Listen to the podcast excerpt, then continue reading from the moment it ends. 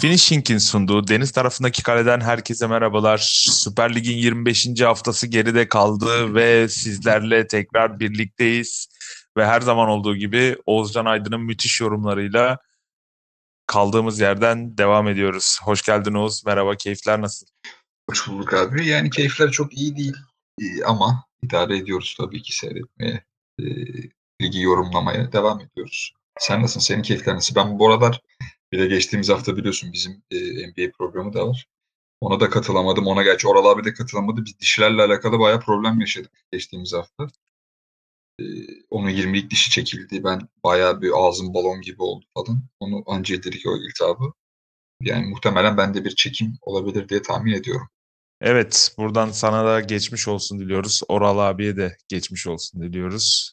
Hatta ben senin yaranı çok fazla deşmeden sonra deşeceğim. Fenerbahçe ile normalde biliyorsun başlıyorduk ama bu hafta Alanya Spor Galatasaray maçıyla başlayalım. Şimdi 25. hafta geride kaldı dedik. Fenerbahçe kendi evinde yara aldı. Beşiktaş haftayı pas geçti. Biz de Galatasaray maçıyla başlıyoruz. Alanya Spor evinde Galatasaray'a 1-0 yenildi.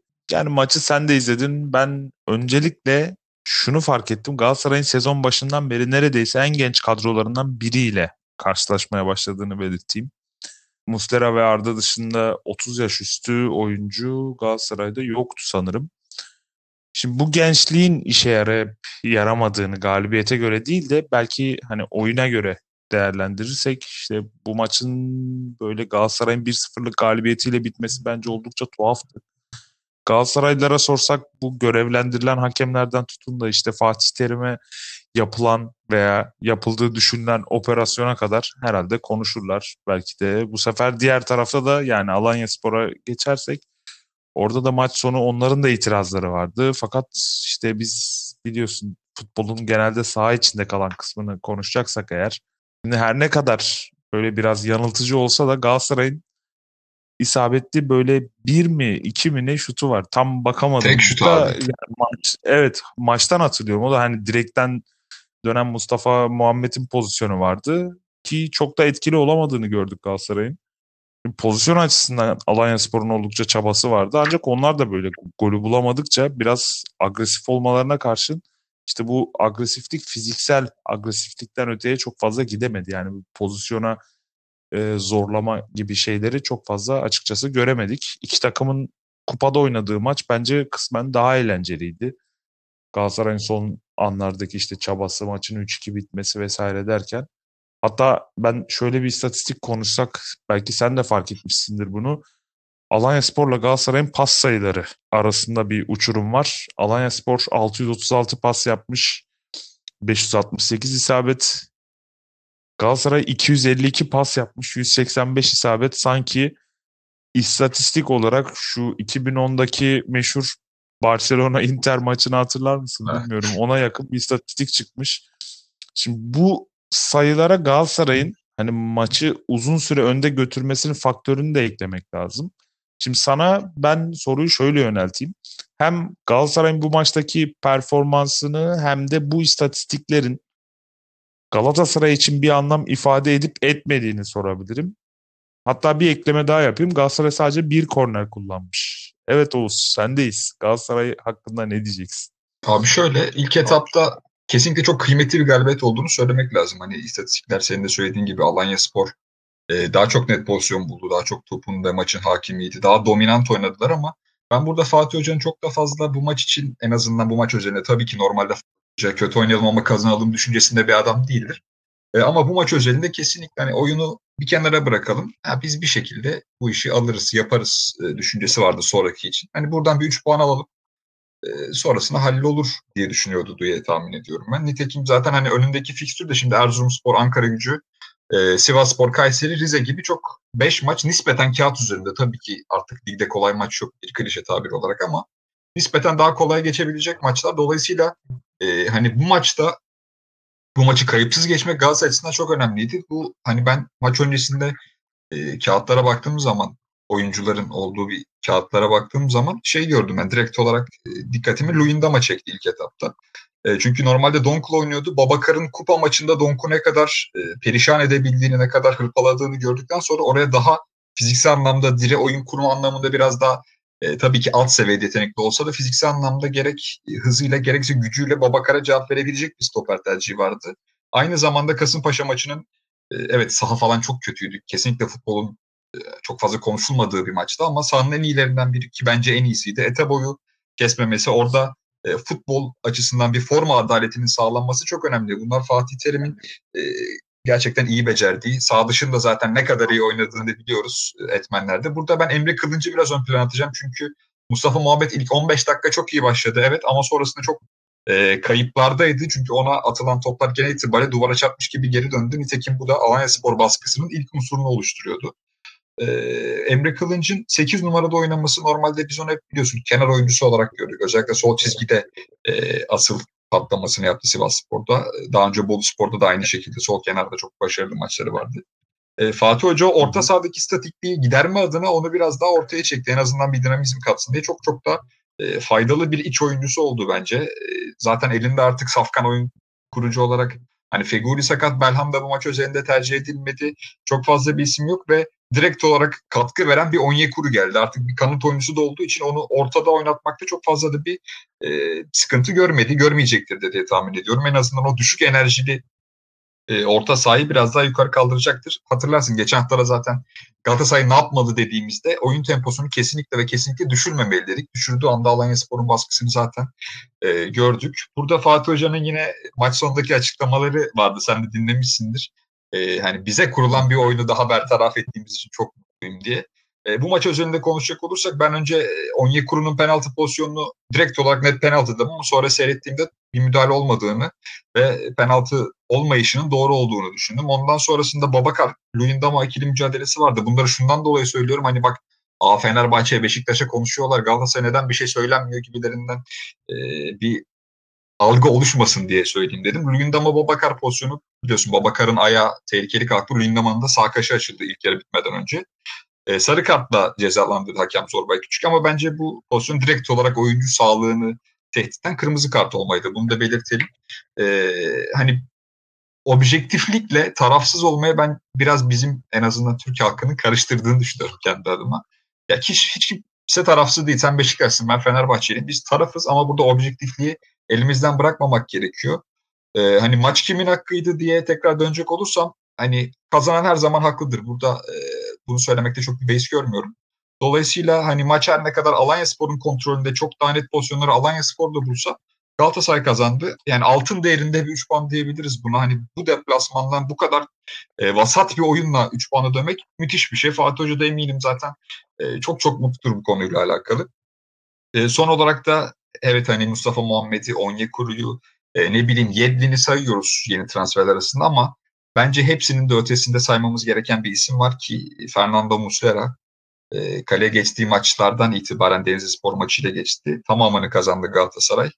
E, zannediyorum 30 şut gelmiş kalesine 27'sini kurtarmış bunun. Zaten kurtaramadığı 3 şutta e, neredeyse imkansız denebilecek şutlardı. Bir tanesi belki hata olarak sayılabilir ama geri kalanında insanüstü bir performans sergiledi. Son dakikada yine Mustafa Pekdemir'in bir kafa vuruşunu çizgiden ayağıyla çıkarması da e, inanılmaz bir e, kurtarış olarak bence hanesine yazıldı. Muslera hani hep söylüyoruz yani iyi kaleci değil büyük kaleci ve e, tırnak içerisinde game changer, oyun değiştirici bir kaleci. Ki ben bunu bulunduğum her mecrada söylüyorum. Bana kalırsa Türk futbol tarihinin gelmiş geçmiş en büyük kalecisi kendisi. Evet atıyorum Tony Schumacher gibi çok daha şöhretli bir adam geldi 1986 yılında işte Dünya Kupası'nda oynamış.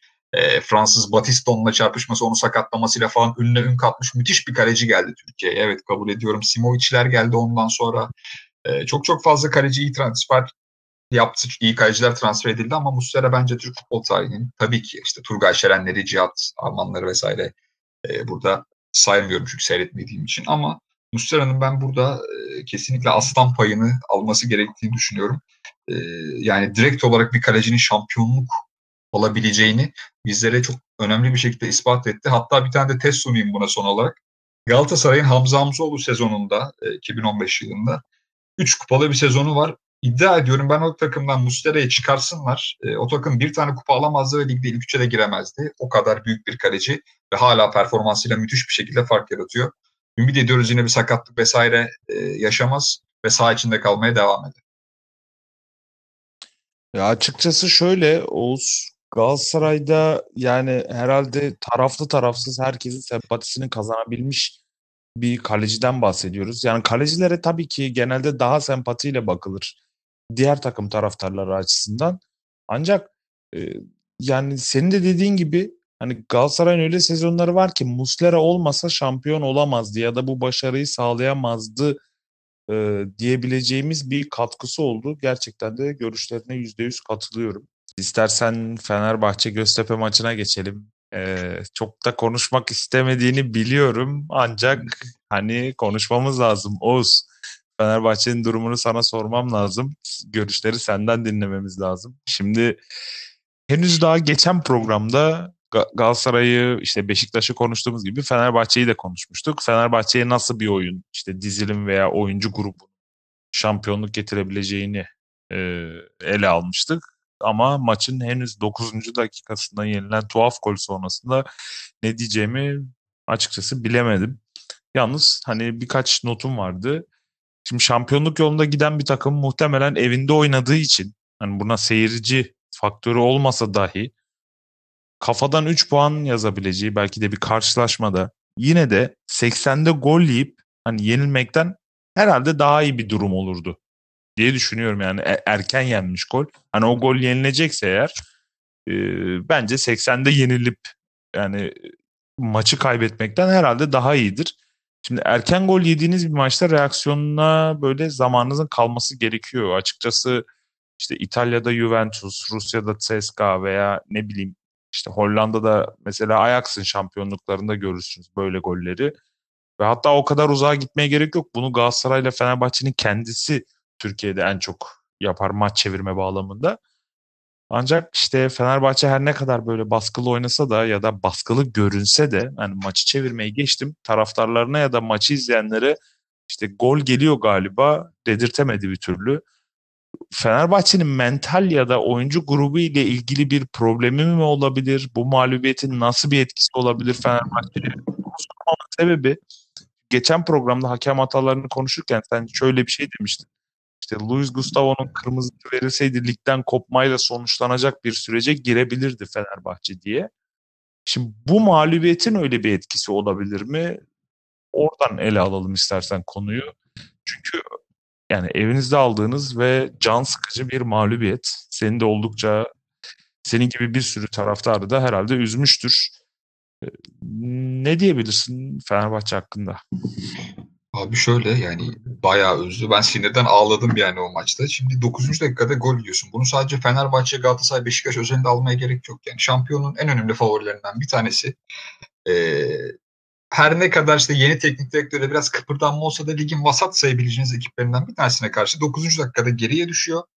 E, ve toplam 8 dakika daha uzatma ekleniyor ilk yarı ikinci yarı hatta 8 dakika daha 9 dakikalık bir uzatma oluyor totalde. Yani e, bakıldığı zaman tam 90 dakika bir maç boyunca bir süren oluyor senin. 90 dakikalık bir süren var ve Fenerbahçe'nin evet topa %70 sahip oluyor. Evet işte rakip yarı sahada çok gözükmeye çalışıyor ama hiç aklında kalıyor mu bilmiyorum. Böyle çok net bir pozisyon bak %100 lan bu da kaçar mı dediğim pozisyon var mı? Yok. Yok.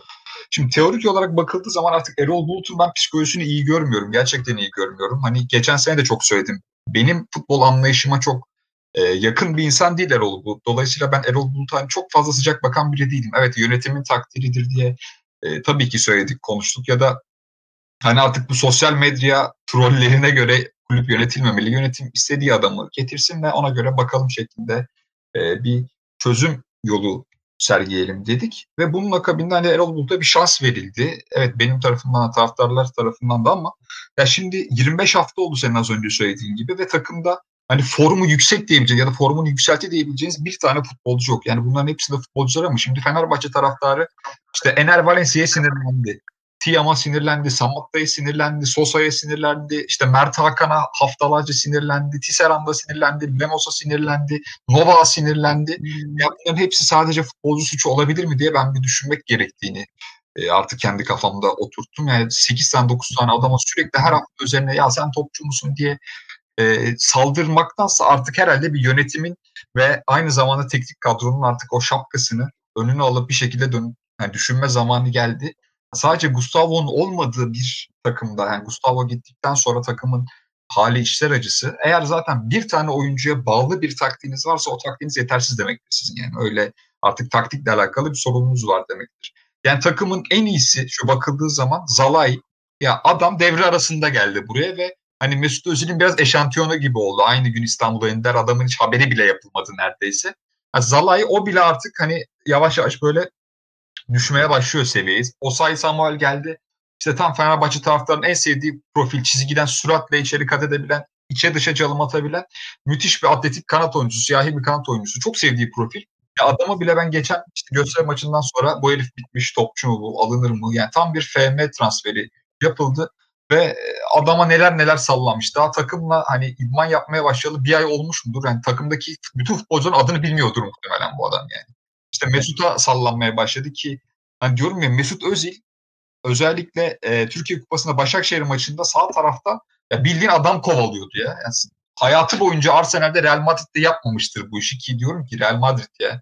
Yani Real Madrid'in 10 numarası bu adam belki de son 20 yılın en büyük 10 numarası ve yani sağ bekte adam kovalıyordu. Sürekli stoperlerin arasında geliyor top almak için.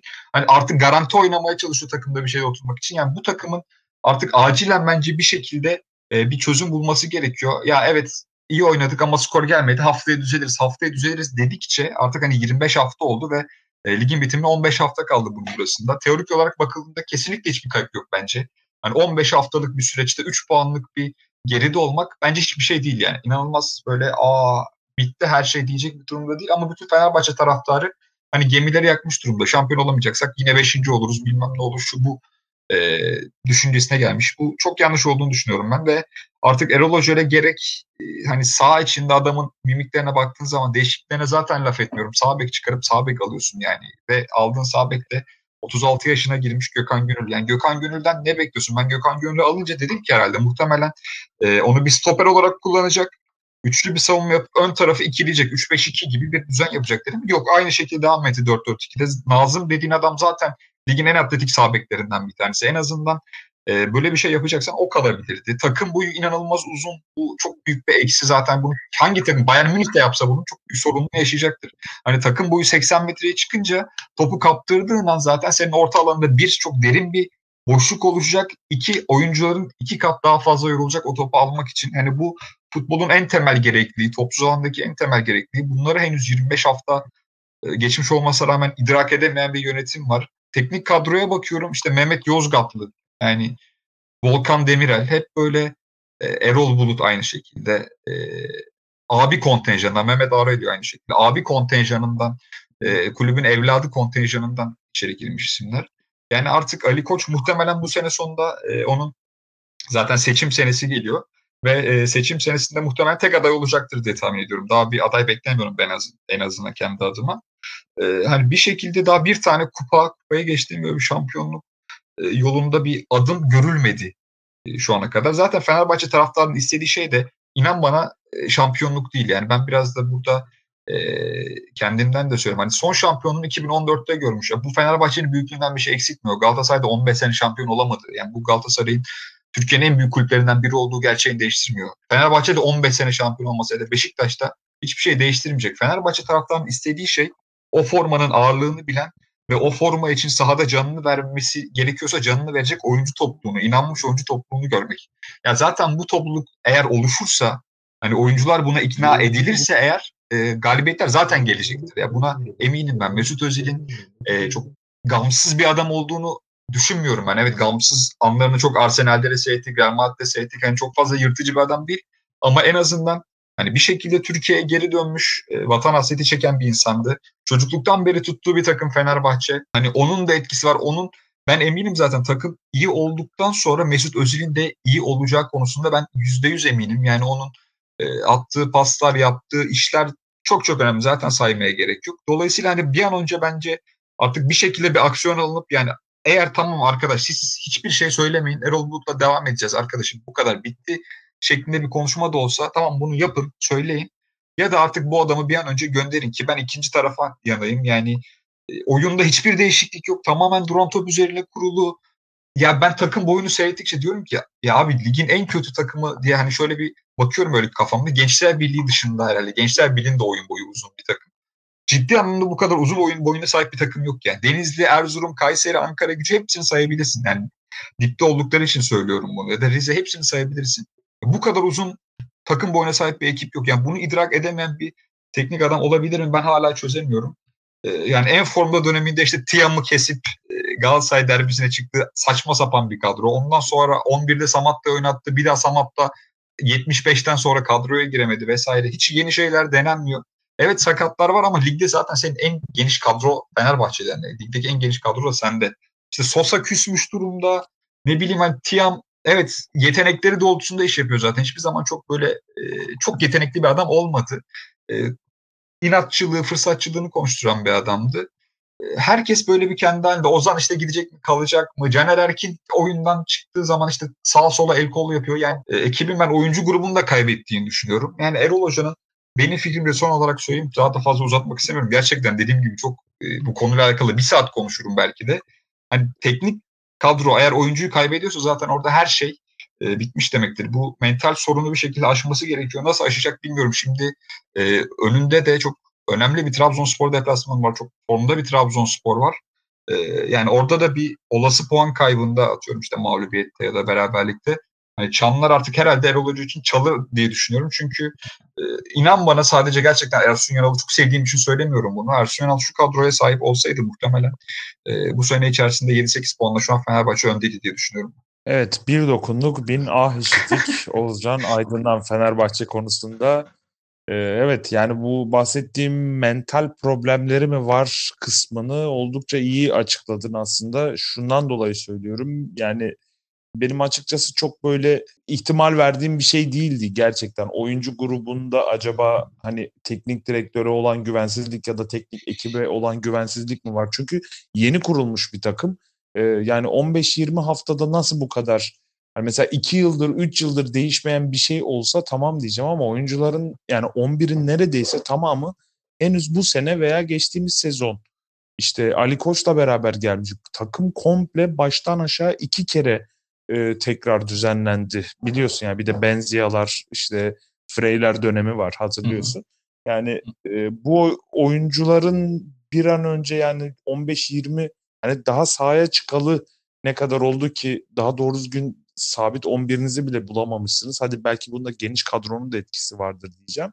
Hani burada bir de e, yani 15-20 haftada bu noktaya gelinmesi. Bu nokta derken yani Fenerbahçe şampiyonluk şansını kaybetti demiyoruz. Tabii ki. Yani dediğim Tabii gibi şu an e, Beşiktaş uçuyor kaçıyor denilen Beşiktaş'la aynı puanda ve muhtemelen alacağı bir atıyorum derbi galibiyeti ya da başka bir şey e, ya da diğer Galatasaray'ın e, beklenmedik bir puan kaybı yine zaten yarışın içinde tutacaktır Fenerbahçe'yi. Burada en önemli şey senin de bahsettiğin gibi oyunun ve takımın henüz kimliğinin e, o doğrultuda olmaması ki sen de nedenlerini gayet güzel açıklamıştın. Normalde buradan e, Trabzonspor'u da aslında konuşmak isterdim ancak bir sonraki işte daha doğrusu sonraki programlarda Fenerbahçe Trabzonspor maçını hatta Trabzonspor'u da enine boyuna konuşuruz. İstersen bu hafta çok fazla e, değinmediğimiz ve haliyle büyük takımlarla da maçı olmadığı için çok fazla konuşamadığımız Antalya Spor'a bir geçelim istersen. Yani Ersun Hoca'nın Antalya Spor'una Hatta yani Süper Lig'de 10 maçtır bir türlü mağlup edilemeyen, bileği bükülemeyen Antalya Spor'a. Şimdi sezona aslında Antalya Spor fena da başlamamıştı. Fakat bu 4-5 maçlık bol mağlubiyetli seriden sonra Ersun Yanal'a emanet edildi takım ve yönetimin endişeleri en azından hatta takımın taraftarların endişeleri biraz azalmış görünüyordur. Ee, takım orta, orta sıralara tırmandı birden ve oyunu umut vermeye başladı. Bunda takımın biraz gençleşmesinin etkisi de olabilir diye düşünüyorum. Çünkü sezon başına göre e, fiziksel olarak daha zor yıpranan, daha mücadeleci bir ekibe doğru evrildiklerini, işte kolay pes etmeyen bir yapıya büründüklerini, bunda mutlaka Ersun Yanal ve genç oyuncular kombinasyonunun payı olduğunu herhalde söyleyebiliriz. Sen de katılacaksındır. Çünkü sezon başında baktığımız Antalya Spor'da Nuri Şahin'in oyun kur, kurarken özellikle e, oyunun çok statik olduğunu hatta ilk programlarda da konuşmuştuk seninle Antalya Spor'u ve takımları incelerken Nuri Şahin'in üzerinden bir şekillenme olacaktı. Podolski mutlaka takıma katkı sağlayacaktır diye düşünmüştük. Ancak Nuri Şahin'in de e, aslında oyunu ve bütün takım arkadaşlarını hareketlendirebileceği bir ortamın yaratılmaması Antalya Spor'da biraz problemdi. Yani kendi başına yine çabalıyordu. Tecrübesini, top tekniğini, oyun görüşünü yansıtabiliyordu sahaya. Ancak işte takımın geneli e, ve geri kalan kısmı yani buna çok fazla uyum sağlayamıyordu. Bir de e, şu genç oyunculu e, en azından takviyeli takımdan sonra diyebiliriz ki Antalya Spor'un enerjisi gerçekten de sezon başında düşükmüş ve birkaç e, puan kaybı da gelince bu fark biraz daha bariz ortaya çıktı. Şimdi takıma genel olarak baktığımızda sonuçlar üzerinden konuşacaksak yani Antalya Spor'un şu anda kısır maçlar oynadığını söyleyebiliriz. Ama sana onu sorabilirim. Peki bu takım kısır maçlar oynuyor da ne yapıyor acaba Oğuz? Sahada 10 maç arka arkaya yenilmeyebiliyor. Senin ekleyeceğin neler olabilir Antalya Spor hakkında? Tabii abi. Şimdi Antalya Spor'un en son mağlubiyeti 2020 yılında oldu. Hatay Spor'a biliyorsun çok bu Penza'nın şov yaptığı maçlardan bir tanesinde. 6-0'lık bir mağlubiyet e, sonucunda gelmişti. Şimdi az önce de kontrol ettim. 29 Aralık'ta mı zannediyorum zaten 2021'de mağlubiyeti olmayan iki ekipten bir tanesi. E, Trabzonspor'la beraber.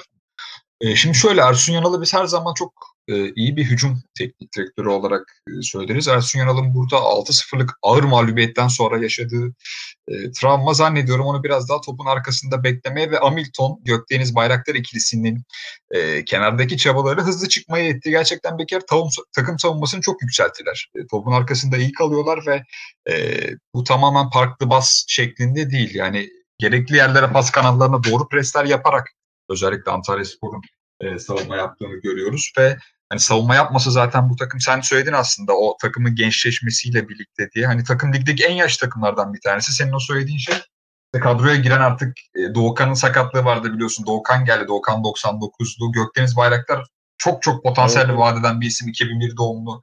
E, Sabek'te genel itibariyle Bünyamin'i seyrettiğimiz çok maç oldu. 2000 doğumlu. O yok ya Mert oyunda 99 doğumlu gibi e, genç ve potansiyelli bir yerli çekirdek var en azından ama takım gerçekten çok yaşlı onun dışına bakıldığı zaman.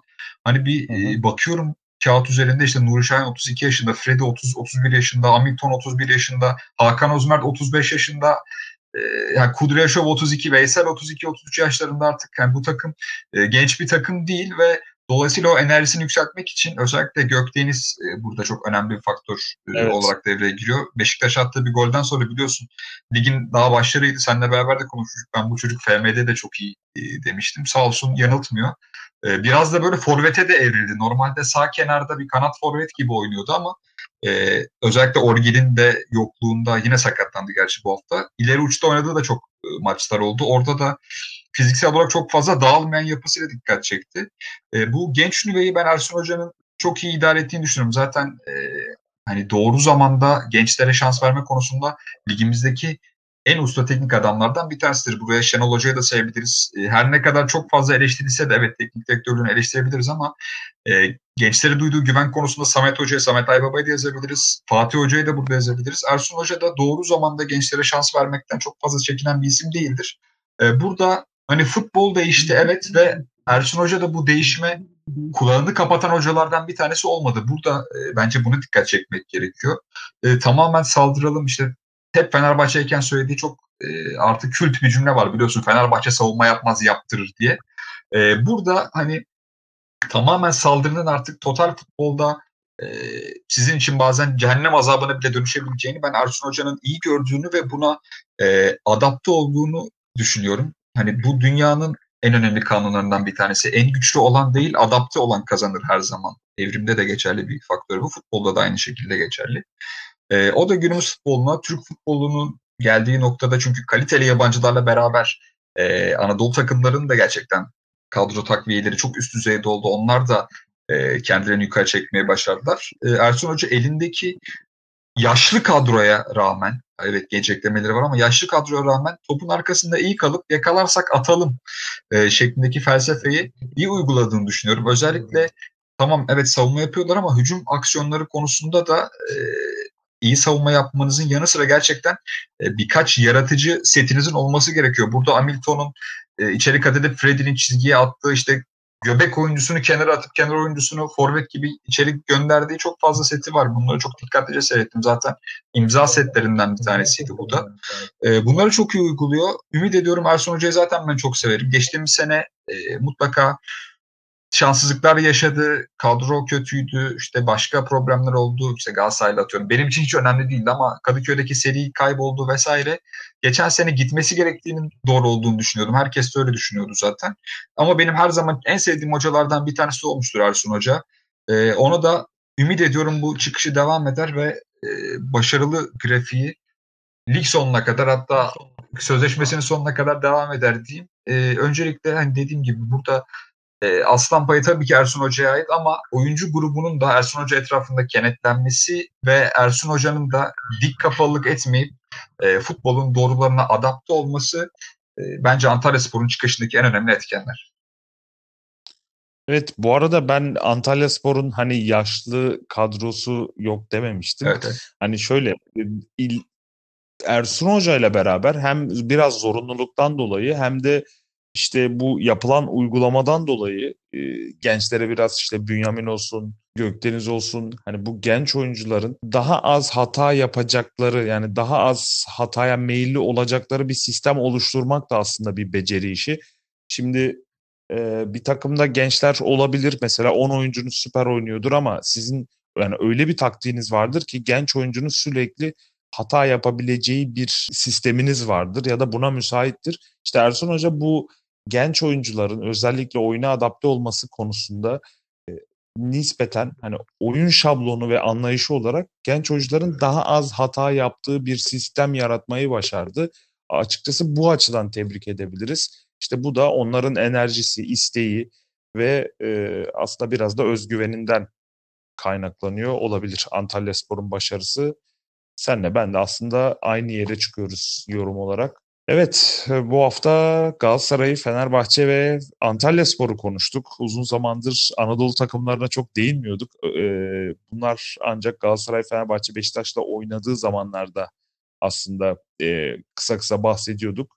Gerçi lig başında ve ortasında güzel dosyalar yapmıştık takımlar için ama haftada bir sanıyorum ya da her programda bir Anadolu takımını da özellikle dikkat çekenleri ya da e, bir değişiklik olan takımları, kötü gidenleri veya oyununu geliştirenleri, değiştirenleri konuşabiliriz diye düşünüyorum. Trabzon'la Başakşehir'le ilgili bu hafta pek konuşamadık ama önümüzdeki haftalarda o takımlar hakkında da konuşacağımızdan eminim. Çünkü Başakşehir'in ve Trabzonspor'un şu andaki formlarını devam ettirmeleri sürecinde süresinde ligde değişmeler de olabilir. Çünkü Trabzonspor böyle ufak ufak gelme durumu var. Başakşehir'in eğer toparlanmazsa farklı bir yere doğru gitme ihtimali var. Bunun hani imkansız olmadığını geçen hafta söylemiştik. Yani aslında önümüzdeki haftalarda bence kendine yer bulur programımızda. Trabzon ve Başakşehir. Bizi dinlediğiniz için çok teşekkür ederiz. Son olarak eklemek istediğim bir şey var mı bu arada Oğuz? Onu Abi şöyle transfer haberi verelim son olarak. Yine gerçi e, bugün dün basında da e, geçti ama Upenza'nın e, Krasnodar'a transferi var 8 milyon euro artı sonraki satıştan %20'lik e, bir payla beraber gönderildiği söyleniyor.